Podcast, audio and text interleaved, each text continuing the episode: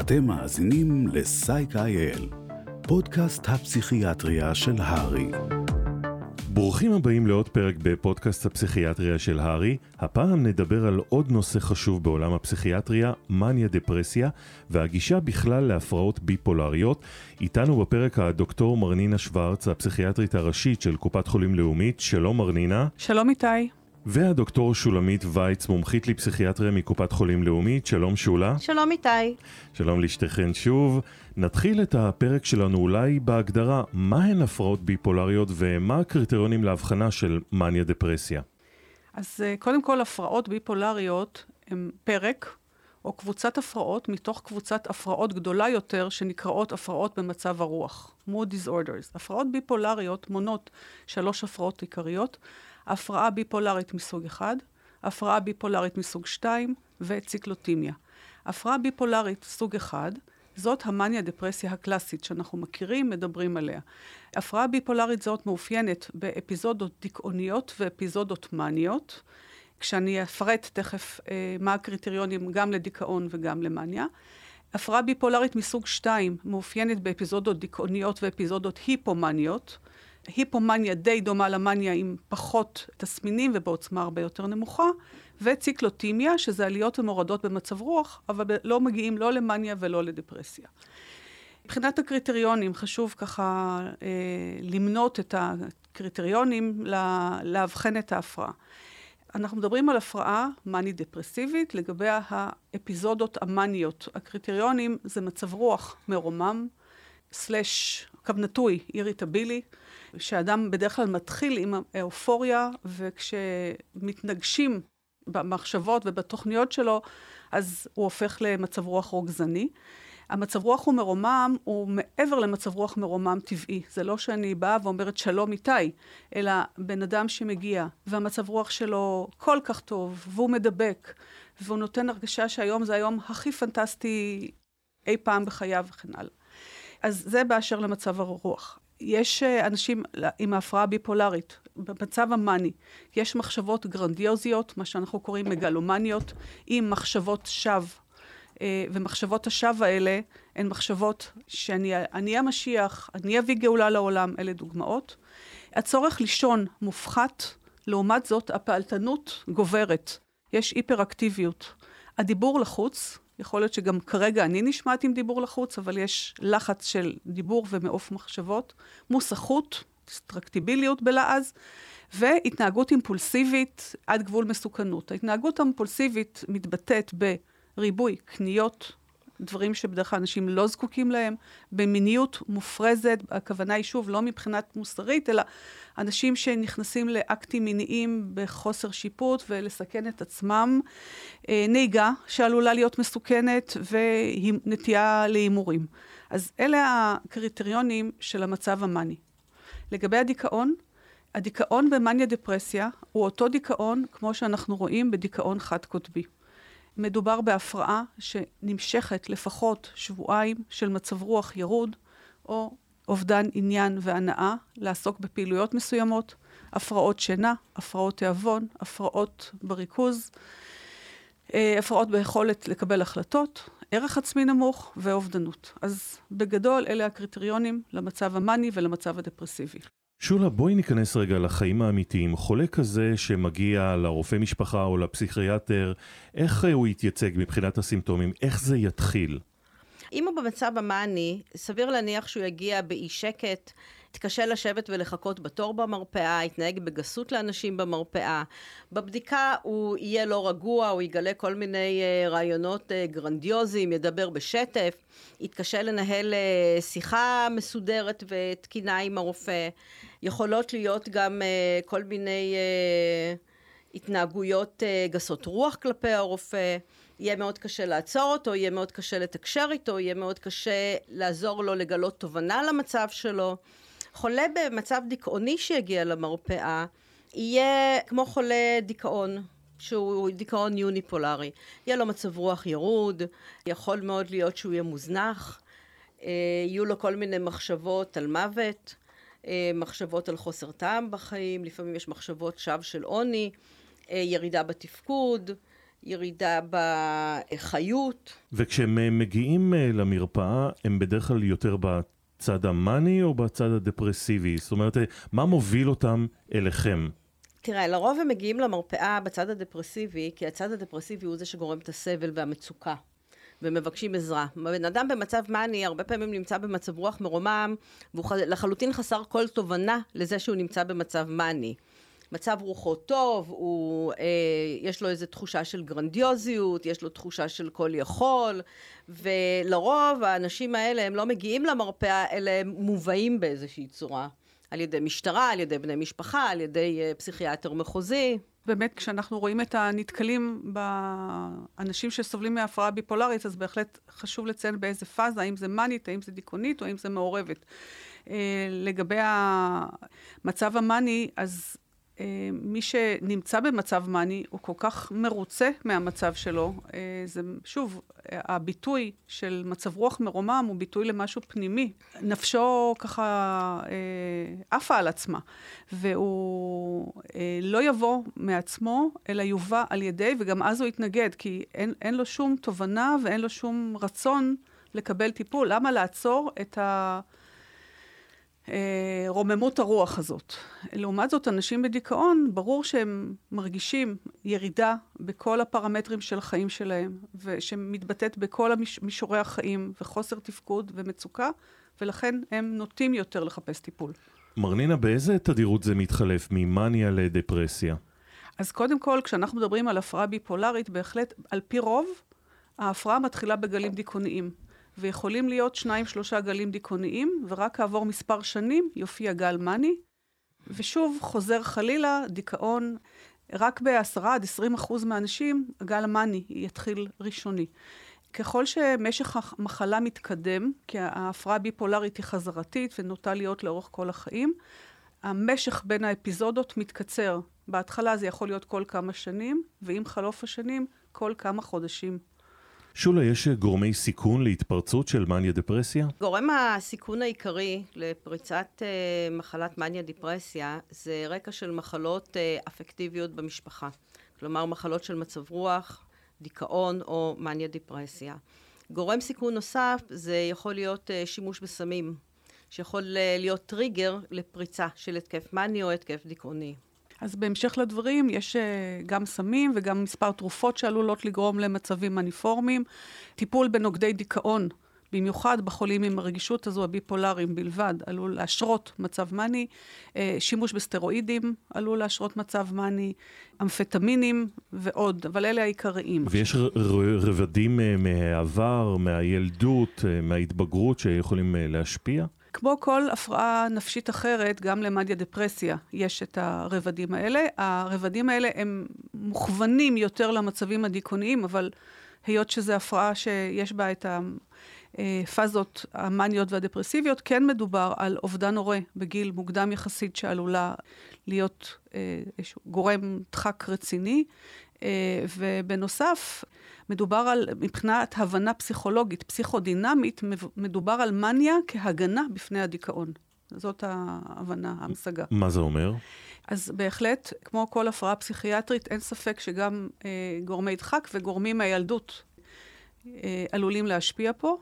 קרל אברהם, אחד המחברים תיאורטיקנים שהתייחס לנושא, דיבר על אובדן הורה בשלב מוקדם, הכוונה עד גיל 11, אה, עלול בהמשך לגרום לתמונה הזאת. בנוסף, אנחנו גם מדברים על מבנה של אה, אגו, שאולי היה נוקשה וכל החיים, ובמהלך המאניה מאפשר לנו אה, לשחרר את כל העכבות. אז גם כן, אפשר לראות את זה ככה מבחינה דינמית. מה השכיחות של מניה דיפרסיה? שכיחות מניה דיפרסיה היא 1% באוכלוסייה. והשכיחות הזאת היא לא השתנתה בתקופת הקורונה, וזאת לעומת uh, מחלות אחרות, פסיכיאטריות, שהשכיחות כן עלתה, שזה דיכאון, שזה חרדה, שזה הפרעת הסתגלות. השכיחות הפרעה ביפולרית נשארה יציבה ב-1%. מה הטיפול במאניה דפרסיה, והאם uh, רופא בקהילה, יש לו כלים לעשות משהו עד לתור אליכם, לפסיכיאטרים? אז הטיפול במאניה דפרסיה הוא טיפול משולב בטיפול תרופתי ובטיפול פסיכותרפויטי, כשהאוריינטציה העיקרית היא טיפול CBT, Cognitive Behavior Therapy. עכשיו, בדרך כלל, כשאנחנו מדברים על בן אדם שסובל ממחלה מאני-דפרסיבית ומופיע גל דיכאוני, אז הרופא בקהילה יכול להתחיל לטפל, אבל היות שהטיפול פה הרבה יותר מורכב, וההתייחסות לפאזה הדיכאונית של ההפרעה הביפולרית צריכה להיות אה, מאוד ייחודית כדי לא לעשות סוויץ' למצב מאני, שהוא מצב רצוי אולי על ידי המטופל, אבל לא רצוי לחלוטין מבחינה קלינית, צריך לעשות את זה כן באמצעות רופא מומחה אה, בתחום הפסיכיאטריה. אולי נעבור בכמה מילים על הטיפול התרופתי? אה, הטיפול התרופתי המקובל אה, באפיזודה דיכאונית הוא טיפול בתרופות נוגדות דיכאון. כשמדובר בהפרעה ביפולרית, חשוב מאוד להוסיף לזה מייצב מצב רוח, כי נוגד דיכאון בחולה ביפולרי יכול לגרום להתפרצות של מניה, בלי כיסוי. עכשיו, התרופות, מבין התרופות המייצבות, התרופה המקובלת ביותר זה למקטל.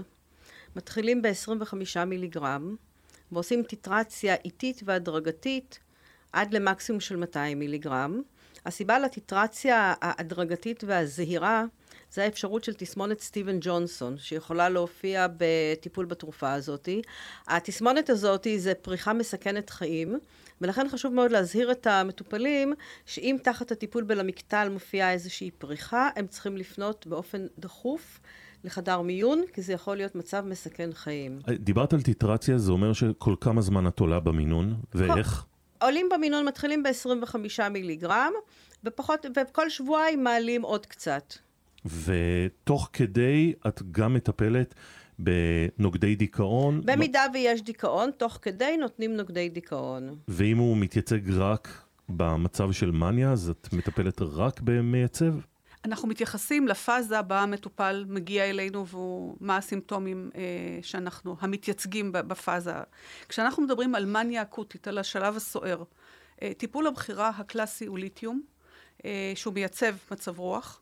לפעמים, היות שהליתיום, משך ההשפעה שלו היא כשבועיים, שזה, שוב, דיברנו על מניה כאש בשדה קוצים, אנחנו צריכים להוסיף לליתיום או טיפול באנטי-פסיכוטיים אטיפיים, או טיפול בבנזודיאזפינים, שהם מרגיעים מאוד, או לפעמים באנטי-קונבולסנטים. אבל טיפול הבחירה הוא ליתיום, כשבשנים האחרונות קרנו ירדה מעט גם בגלל המעקבים שדורשים, ומשתמשים לא פחות בדפלפט, חומצה ולפרואית, לשלב המאניה האקוטית. גם הליתיום וגם הוולפרואט מתחילים בטיטרציה, ליתיום 300-600 מיליגרם ליום, מחכים לסטדי סטייט, זה לוקח כחמישה ימים, בודקים רמה ובהתאם מעלים, כדי לא לגרום להרעלת ליתיום, שיש לה תופעות לוואי או הרעלת... כלומר, את מתחילה עם הליתיום ואומרת למטופל עוד חמישה ימים, תבוא לבדיקת דם. כן, בהחלט כן. כי על, על אותו מינון, בדיקת דם, ואז אנחנו ממשיכים לשלב הבא, וזה מאוד עוזר שיש לנו נתון מעבדתי שעוזר לנו בטיטרציה ובמעקב. כשאנחנו מדברים על ליתיום, טווח המינונים יכול להיות בין 600 ל-1200, אבל שוב, הכל כפונקציה של רמה בדם, שזה בין 0.8 ל-1.2 milliequivalent לליטר. גם לגבי הוולפרואט, אה, יש לנו רמה בדם של בין 50 עד 120 מיקרוגרם לליטר. אבל פרואט הוא למעשה אנטי-קונבולסנט, אבל יש מספר אנטי-קונבולסנטים שהם בשימוש במאניה בשלב האקוטי, אבל ולפרואט הוא הנציג אה, שלהם. לגבי השלב הדיכאוני, השלב הדיכאוני של הפרעה ביפולרית הוא השלב המאתגר ביותר בטיפול. קודם כל, טיפול הבחירה הוא למקטל, שגם הוא אנטי-קונבולסנט. את המקטל צריך לעלות בטיטרציה מאוד מאוד איטית, 25 מיליגרם כל שבועיים, ככה זה לוקח הרבה זמן. צריך להיזהר אה, מפריחה אורית, מפני שהחשש הוא מתסמונת שנקראת סטיבן ג'ונסון, שהיא פריחה אורית בעור ובריריות, אבל היא פריחה שעלולה להיות מסכנת חיים.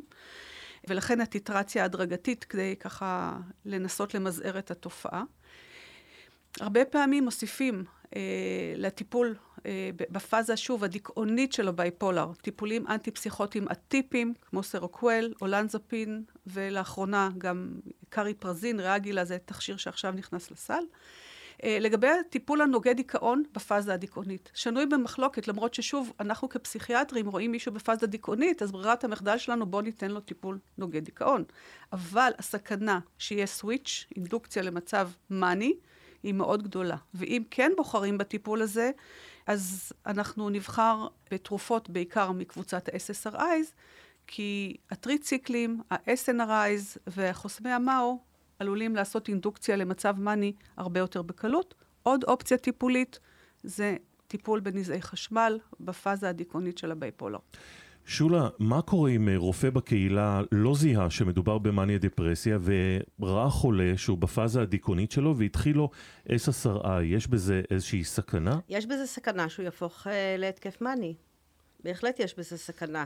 ולכן, באופן כללי רצוי מאוד שגם רופא משפחה יעשה איזושהי אנמנזה, שיבדוק האם היו איזה שהם דיכאונות בעבר, האם היו אירועים מאניים בעבר, לפני שהוא מתחיל טיפול בתכשיר אנטי דיכאוני, כי בהחלט יש בזה סיכון.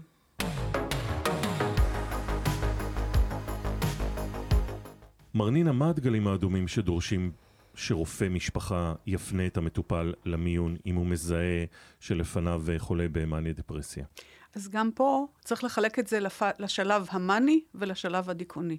כשאנחנו מדברים על השלב המאני, היות שמדובר בתופעה שהיא מתפרצת מהר מאוד, עם התנהגות אימפולסיבית שעלולה לסכן, זה כן מצב שהייתי מפנה לחדר מיון. כדי למנוע סכנה למטופל בנהיגה חסרת אחריות ולכל החברה שמסביב, פעילות מינית מופרזת שעלולה שוב לסכן אותו או אנשים אחרים ולגרום אחר כך מבוכה למשפחה, בזבזנות מופרזת אה, ושימוש בכרטיסי אשראי, ו- זאת אומרת, כל מה שעלול לגרום לסכנה. גם במצב מאני אסור לטעות ולחשוב שלמרות שמצב רוח מרומם, אין אובדנות. גם מצב מאני יכול לבוא עם תסמינים אובדניים, לפעמים מישהו מתוך מחשבות גדלות, שהוא אלוהים, יכול לעמוד על המרפסת, לדבר עם הירח והשמש, ובטעות גם ליפול. זאת אומרת, אז יש פה גם מסוכנות כזאת שצריך להדגיש אותה. לגבי הפאזה הדיכאונית, אין ספק שהיום, כשאנחנו מדברים בדיכאון, הנטייה לטפל בקהילה. יחד עם זה, גם פה, כשיש או סכנה אובדנית, שברור מאליו שכשאי אפשר לשמור על הפרט בבית, צריך להפנות אותו לחשוב על חדר מיון ואשפוז, אבל לפעמים הדיכאון גם אה, מביא איתו, כמו שנאמר, הזנחה מאוד קיצונית, התייבשות אצל אנשים מבוגרים, צורך בהבחנה מבדלת דחופה של מצבים רפואיים, ולכן גם אלה התוויות להפניה למיון. שולה? בעיקרון, מצב מאני חריף, הוא כשלעצמו זה אינדיקציה להפניה למיון. שוב, כמו שמרנינה אמרה, בגלל החוסר שיפוט, בגלל החוסר תובנה, בגלל התחושות המגלומניות שיכולות uh, לסכן.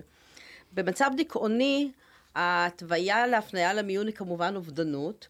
או שהזנחה מאוד קשה. לפעמים בן אדם יכול להיות מוזנח, לשכב במיטה, לא לאכול, לא להתרחץ, וגם זו אה, התוויה להפניה דחופה למיון. אגב, מה, מה קורה כשההפרעה היא חד פולרית? כלומר, הרופא מזהה רק מצב של מניה, בלי דיכאון? עדיין, מבחינת הבחנה, זו הבחנה ביפולרית. מספיק אפיזודה מנית אחת להגיד שזו הפרעה ביפולרית.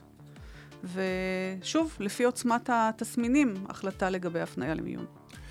זהו, הגענו לסוף הפרק על הפרעות ביפולריות. תודה רבה לשתי הפסיכיאטריות שליוו איתי את הפרק, הדוקטור מרנינה שוורץ והדוקטור שולה וייץ. שלום לשתיכן, מסר לסיום, מרנינה. הפרעה ביפולרית היא אומנם אחוז אחד מהאוכלוסייה, אבל הפרעה שנמשכת לכל החיים. אפשר לחיות איתה היטב, אבל צריך לטפל אה, ב, בשום שכל ולא אה, להפוך הפרעות, פאזות דיכאוניות למניפורמיות. שולה? כדאי ללכת לטיפול אה, פסיכולוגי. במקביל לטיפול התרופתי. זה יכול לעזור אה, לתובנה למחלה. זה יכול לזהות את הסימנים לפני שהם הופכים להתקף משמעותי. ויכול uh, לתרום לאיכות החיים של חולים במחלה ביפולרית. וכמובן, קודם כל, הבחנה שלכם, הפסיכיאטרים. אז תודה לכן שוב, אנחנו מזמינים אתכם המאזינים לעקוב אחרינו בפייסבוק, בטוויטר ובאינסטגרם עם כל העדכונים והחדשות שלנו בהארי. נגיד תודה גם לשם הפודקאסטים על עריכת הפרק. תודה גם לכם על שהאזנתם לנו, ונתראה בפרק הבא.